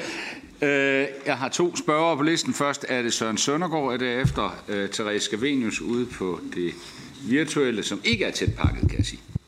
Ja, det er jo rigtigt, at Danmark er et utroligt opdyrket land, Øh, og derfor er der også masser af landbrugsjord, som man ville kunne bruge, øh, i stedet for at øh, begynde at øh, forgribe sig på øh, Natur 2000 øh, områder, eller hvad det nu ellers kan være. Øh, og, og det er nok vores problem her. Altså i enhedslisten, der mener vi både, at der er en klimakrise og en biodiversitetskrise. Øh, og øh, vi løser ikke øh, øh, øh problemerne i forhold til, til energi og klima ved at øh, Øh, ødelægge biodiversiteten. Nu har jeg været meget positiv i forhold til de to tidligere mandater. Det vil jeg så også godt være her. Så øh, jeg har bare simpelthen et, et forslag om, at øh, ministeren øh, i sit øh, mandat øh, vil lægge afgørende vægt på, øh, at man fra dansk side øh, taler imod muligheden af at un, øh, anvende undtagelsesmulighederne i miljølovgivningen og aktivt beskytter Natur 2000 øh, områder. Hvis det kan komme ind i mandatet, så kan vi støtte det. Hvis ikke det kan komme ind i mandatet, så må vi jo bare konstatere, at det åbenbart ikke er regeringens politik, og heller ikke det flertalspolitik, som bakker op om regeringen. Tak for det, og således opløftet giver ordet videre til Therese Skavenius. Ja, jeg er også stærkt øh, modstander af, at man gør klima og natur til noget, der skal konkurrere. Netop øh, som Søren Søndergaard også siger, at vi har masser af andre steder landbrugsjord, vi kan bruge til at sætte VE op på, eller der, hvor der bliver fisket. Så øh, jeg er imod det her mandat. Og dermed giver jeg ordet videre til Christian Friis Bak. Tak. Jeg vil bare sige, at jeg synes, mandatet er helt i tråd med den europapolitiske aftale, vi lige har indgået, øh, som, som, som sikrer øh, hurtigere godkendelsesprocedurer. Og jeg vil jo også bare notere til hr. Søren Søndergaard, at, øh, at alvorlige klimaforandringer er noget af det, der vil have størst påvirkning af vores biodiversitet øh, i, i, i fremtiden. Øh, og derfor er det behov for at accelerere de her godkendelser. Jeg håber, at ministeren vil arbejde aktivt for det, og samtidig sikre øh, beskyttelsen af, af natur og biodiversitet.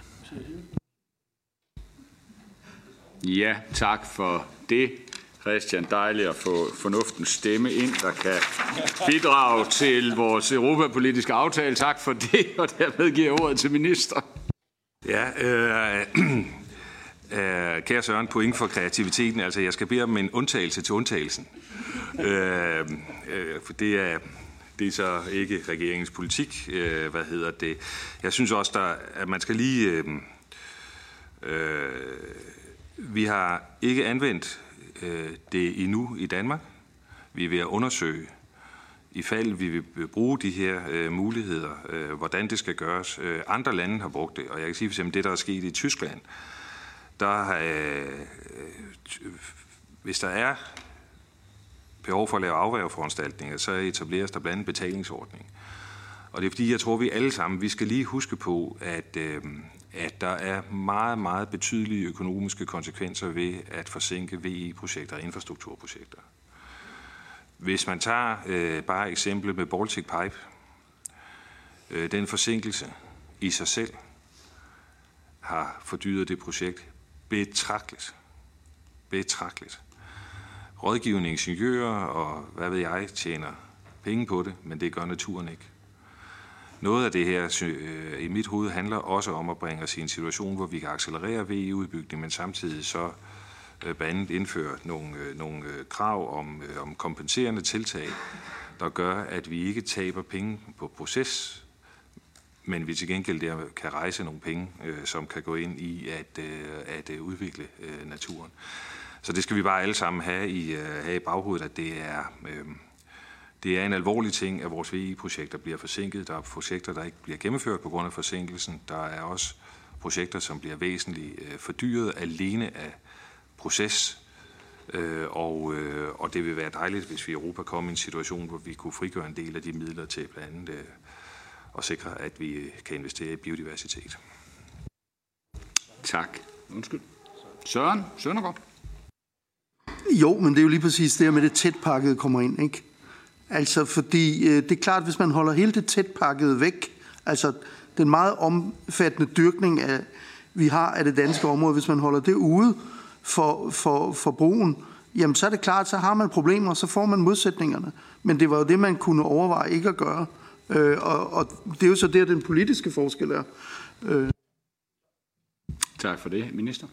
Jamen, jeg, jeg er rigtig glad ved, at vi, øh, regeringen og enhedslisten har lige indgået en politiske aftaler om energiparker i dansk kontekst. Og der har vi jo netop været sammen inden og vurdere, øh, hvad er det for nogle hensyn, der skal til, for at man øh, kan udpege en energipark. Vi har jo ikke taget stilling til, om en energipark er, øh, altså, er det i en EU-retlig forstand i forbindelse til nødretsforordningen at betragte som et særligt område til VE. Det har vi ikke vurderet endnu.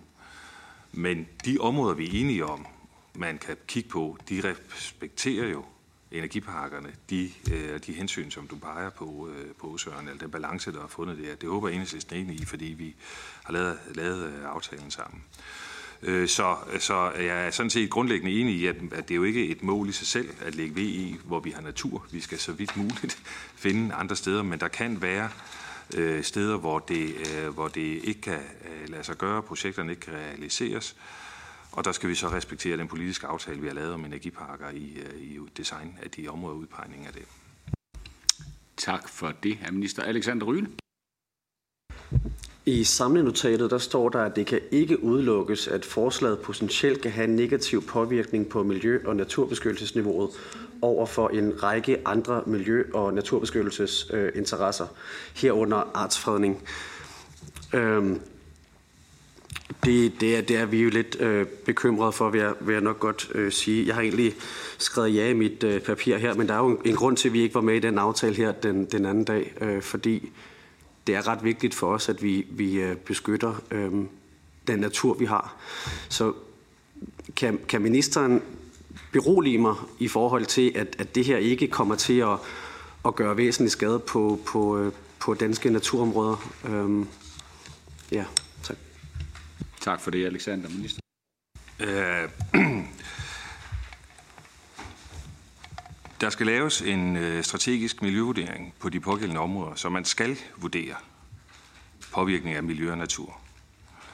Og det vil sige, øh, det er ikke sådan, så at man med det her åbner en ladeport for at kan tilsidesætte alle mulige hensyn, uden at noget bliver, bliver vurderet. Der skal laves en strategisk miljøvurdering, der kan blive påklaget. Øh, men det er klart, øh, det her handler om at give mulighed for, at VE øh, kan udbygges. Det er det, det handler om. Og det er dermed at hæve VE's betydning øh, i de her særligt udpegede områder, til, øh, som jo så skal have strategisk betydning i forhold til at håndtere blandt andet klimaudfordringer og sikre grøn energi. Tak for det. Jeg har ikke flere spørgere. Ændrer det LA's øh, vurdering af sagen? Jeg tror, for en, for en god ordens skyld, så vil jeg øh, ikke støtte øh, det her mandat, og så tror jeg til gengæld, vi vil sende nogle, øh, nogle spørgsmål øh, skriftligt, for lige at få afklaret sådan lidt mere i, i detaljen, øh, hvad der er op og ned i det her. Så det bliver et, øh, et nej denne omgang. Tak.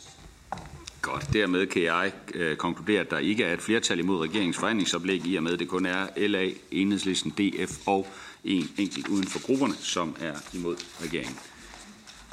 Og på den note, så øh, kan jeg jo egentlig kun nok resten af året ønske tilbage og sige god jul og godt nytår til ministeren, når han når så langt. Og tak for i dag.